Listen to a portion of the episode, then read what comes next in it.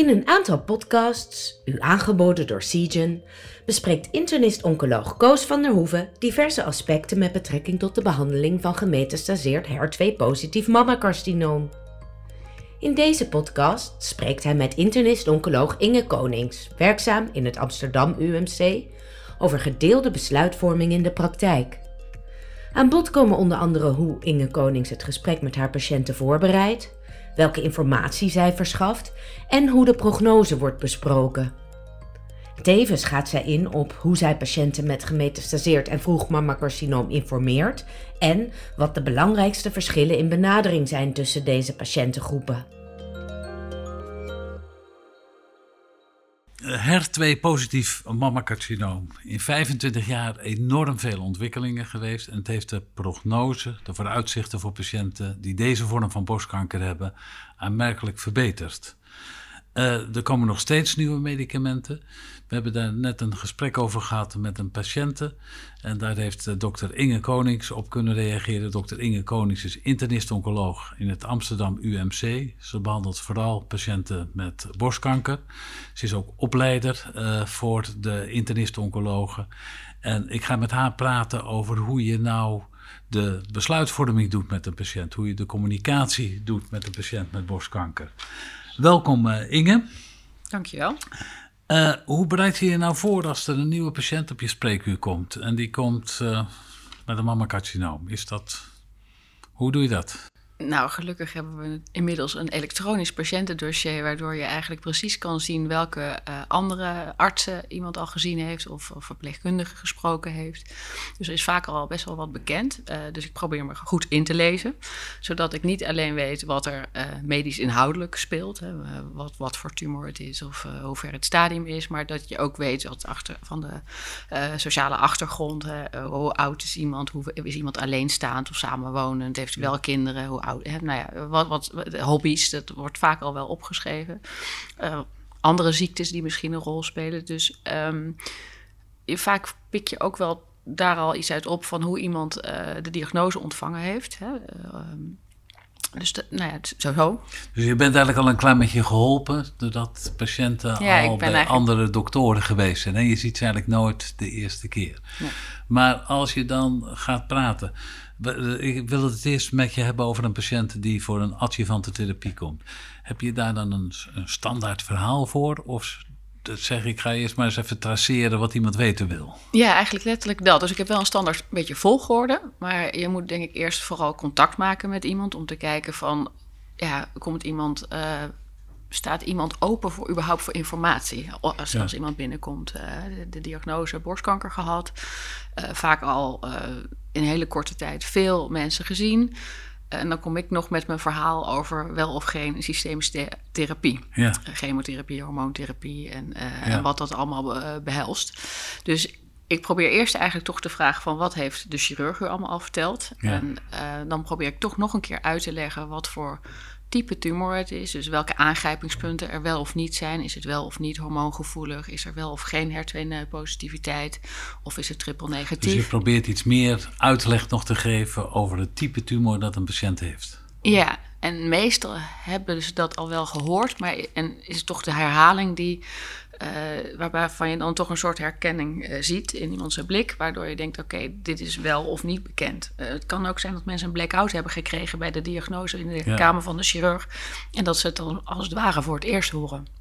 Ja, in de adviezen die internist-oncologen geven, en we worden daar meestal een beetje in begeleid door adviezen van de commissie BOM, dan gaat het heel veel over feitelijke informatie. Hè. Er moet zoveel procent winst zijn in overall survival of in progressievrije overleving.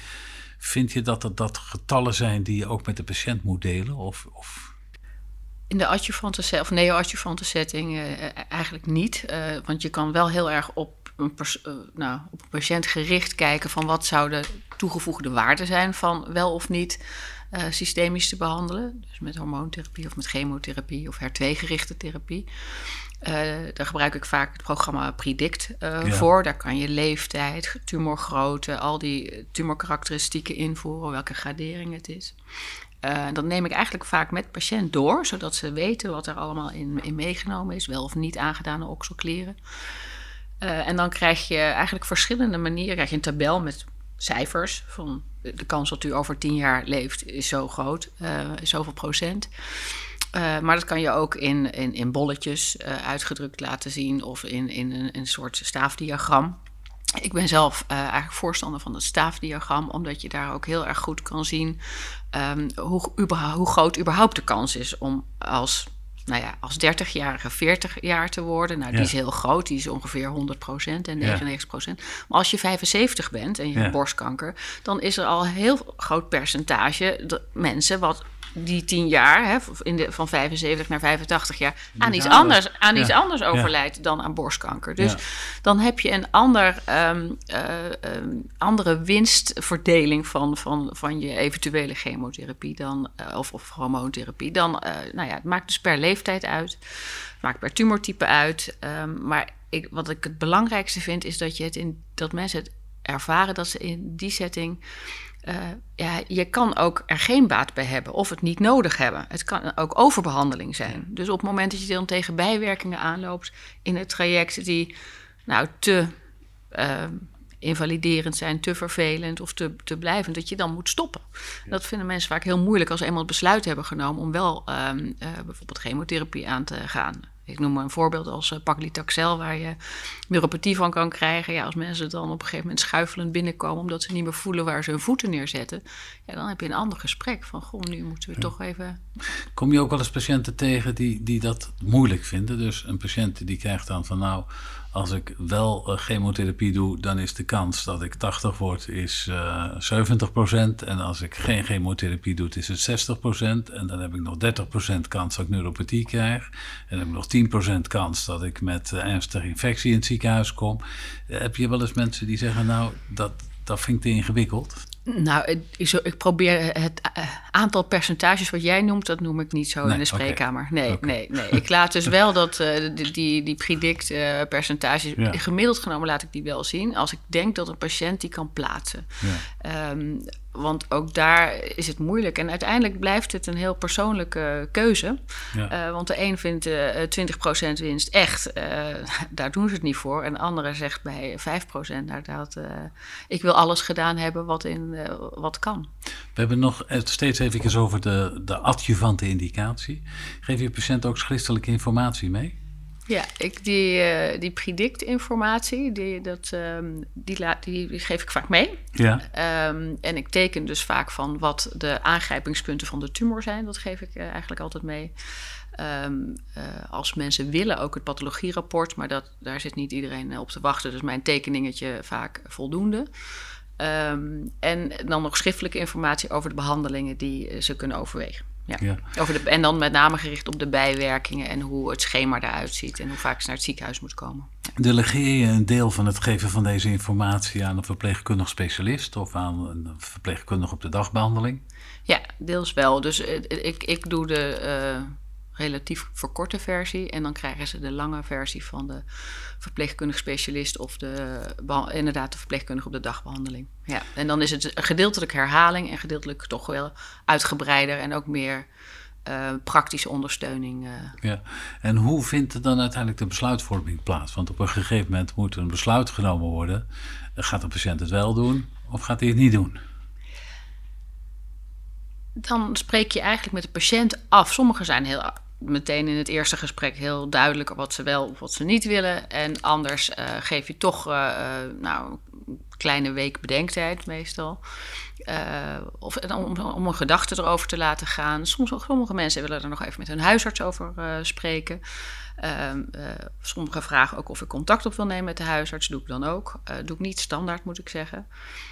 Um, ja, uiteindelijk is het toch echt een. Uh, ik, ik, probeer te kijken of ik alle informatie heb gegeven die mensen uh, nodig hebben om die afweging te maken. Um, maar het is uiteindelijk aan de, aan de persoon zelf uh, om ja. Te, ja, een besluit te nemen. Ja. Ik kan me herinneren dat ik vroeger zelf al eens zei dat ik het niet in het eerste consult wilde horen. Dus ik zei, dan zei ik, je mag het wel zeggen, maar ik hoor het niet. Ik wil het pas morgen horen of overmorgen horen. Dus dat er een bedenkteken ingelast wordt. Doe je dat ook? Ja, in principe wel. Maar sommige mensen zijn heel uitgesproken. En dan zeg ik, nou, ik bel u toch na het weekend even terug om te kijken of u dit nog steeds vindt.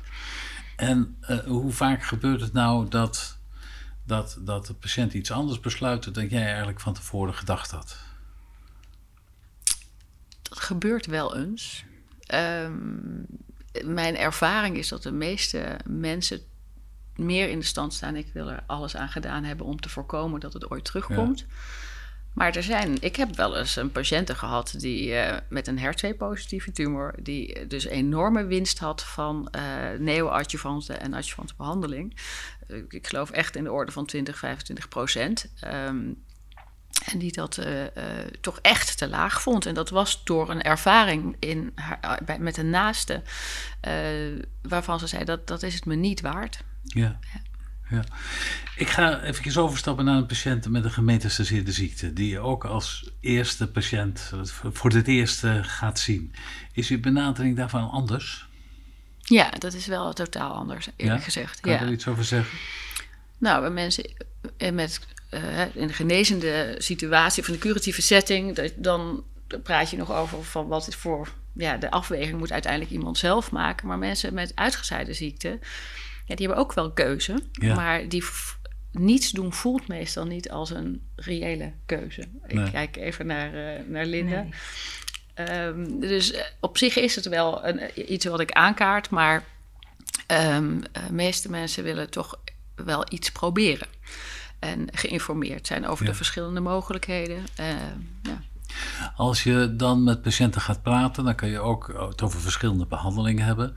Dan hebben we ook de, de studies op basis waarvan we uiteindelijk die medicijnen gaan gebruiken. Daar komen ook altijd getallen uit van de mediane uh, progressievrije overleving, de overlevingswinst.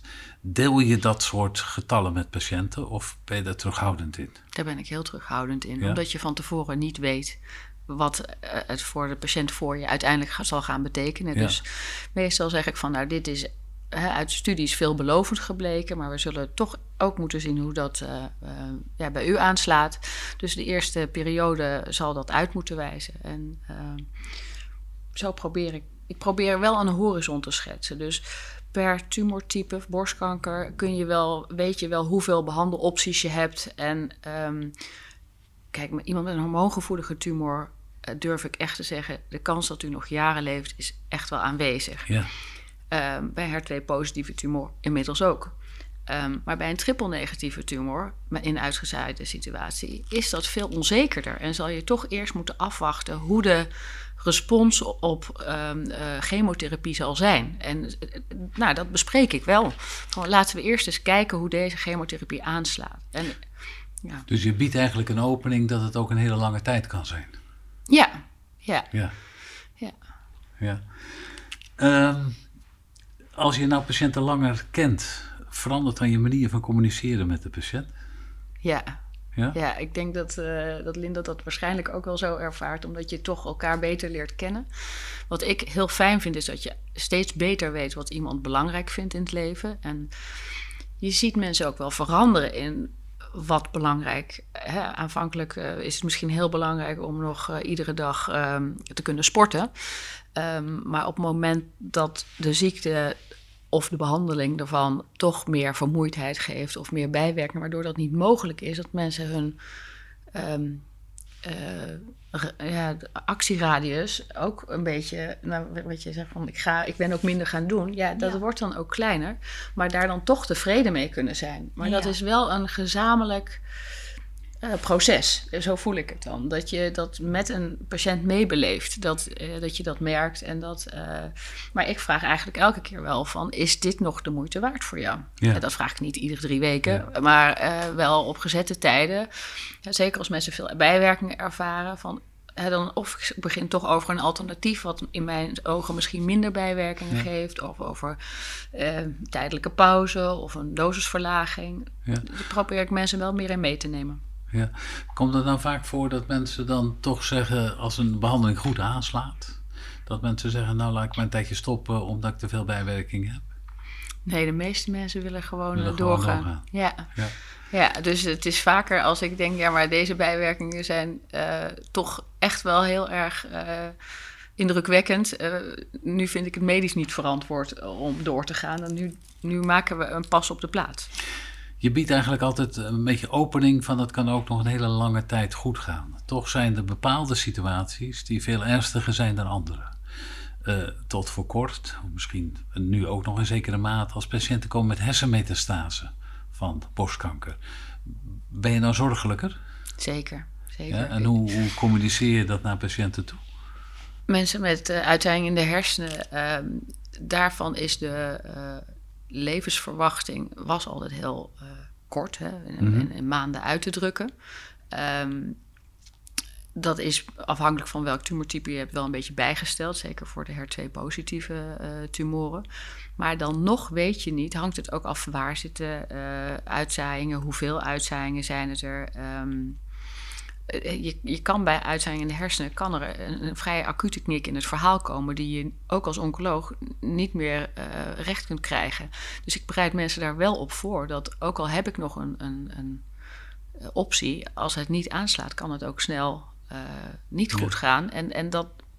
Je communiceert dat er meer onzekerheden zijn en dat het ook wel eens heel snel niet goed kan gaan. Ja, ja, ja. dus dat ze eigenlijk alles wat ze uh, willen regelen of gezegd willen hebben aan de omgeving of willen gedaan hebben, er, zolang ze zich daar goed genoeg voor er niet uit moeten stellen. Ja. ja. Kom je wel eens patiënten tegen die zeggen: Ik wil helemaal niks weten over mijn prognose? Ja, die zeggen, ze zeggen wel dat ze niks willen weten over de prognose, maar ja. uiteindelijk uh, wil iedereen ze toch een beetje houden. Ja, ja, ja. Um, heb je nou ook wel eens patiënten die het over een levensverwachting hebben, of die daar iets over willen weten? En dat je moet zeggen van ja, ik kan het gewoon echt niet zeggen, want misschien komen er nog wel een heleboel nieuwe ontwikkelingen en waar je nog van kan profiteren.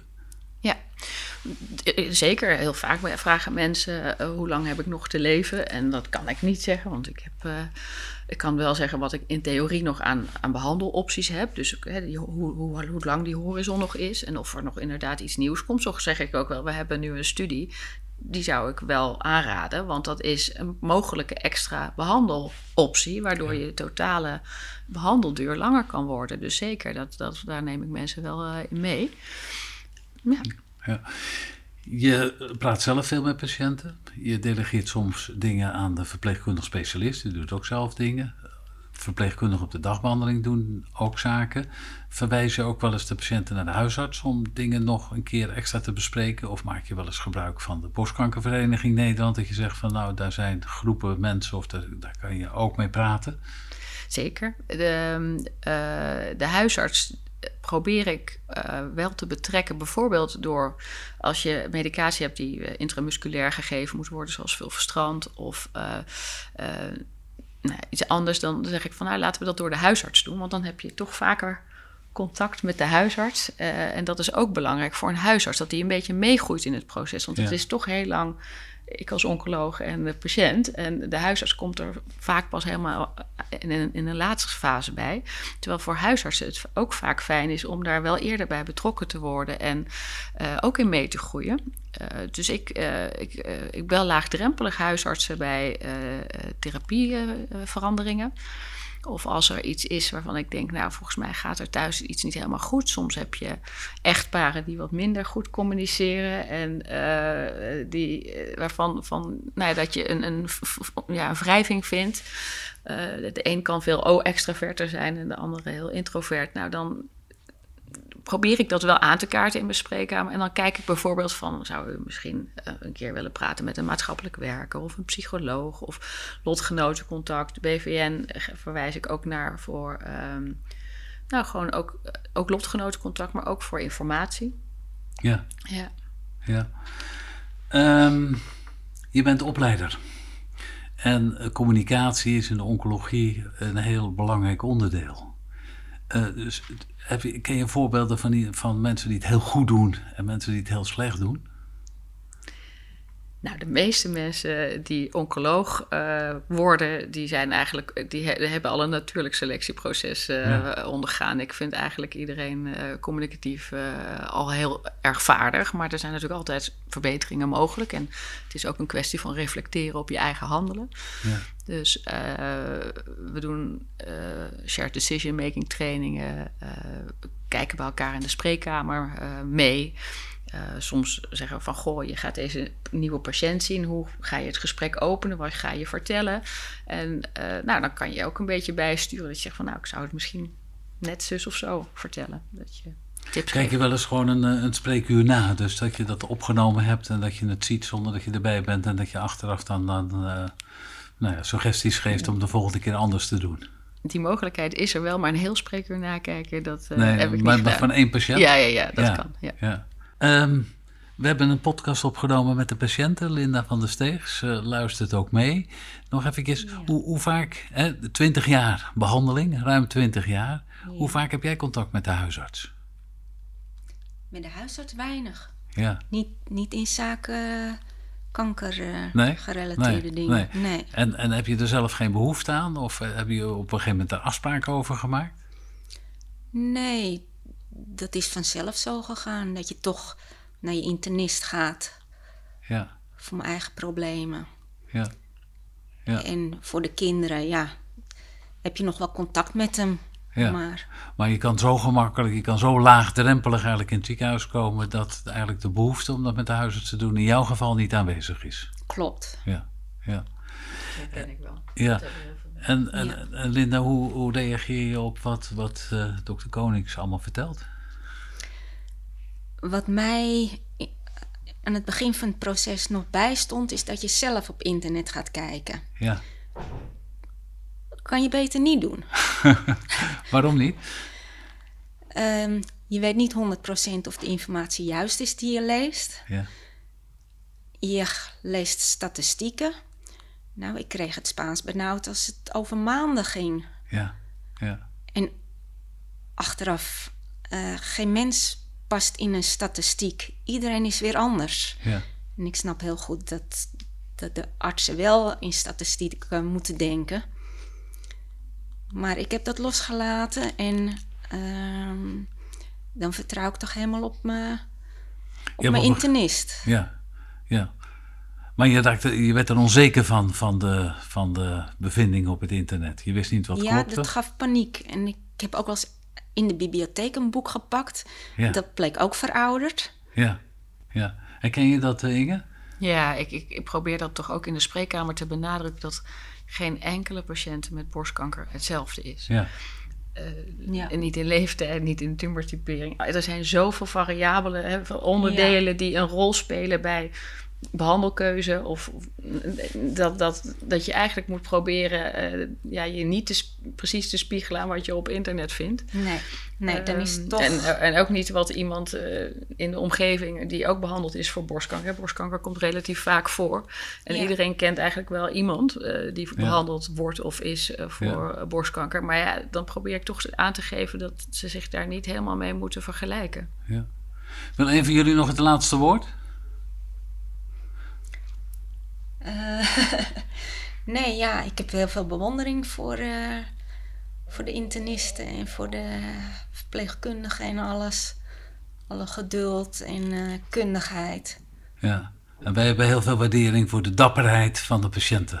Zeker. Ja. Zeker. Inge? Ja, ik, ik sluit me daar helemaal bij aan, Koos. Ja. wat ik net ook zei, het, ik leer heel veel in de spreekkamer van mijn patiënten. Van hoe je op verschillende manieren om kan gaan met wat je op je pad komt. Dus ik, uh, ik word daar, uh, ik denk, ik hoop dat ik daar een, een, een, beter mens van word. Ja, en dat neem je weer mee voor de volgende patiënt. Ja. Oké, okay, heel hartelijk dank allebei. Graag gedaan. Graag gedaan. Bent u geïnteresseerd in de overige podcasts over de diverse aspecten met betrekking tot de behandeling van het gemetastaseerde HER2-positieve mammacarcinoom? Deze zijn te vinden op de website oncologie.nu.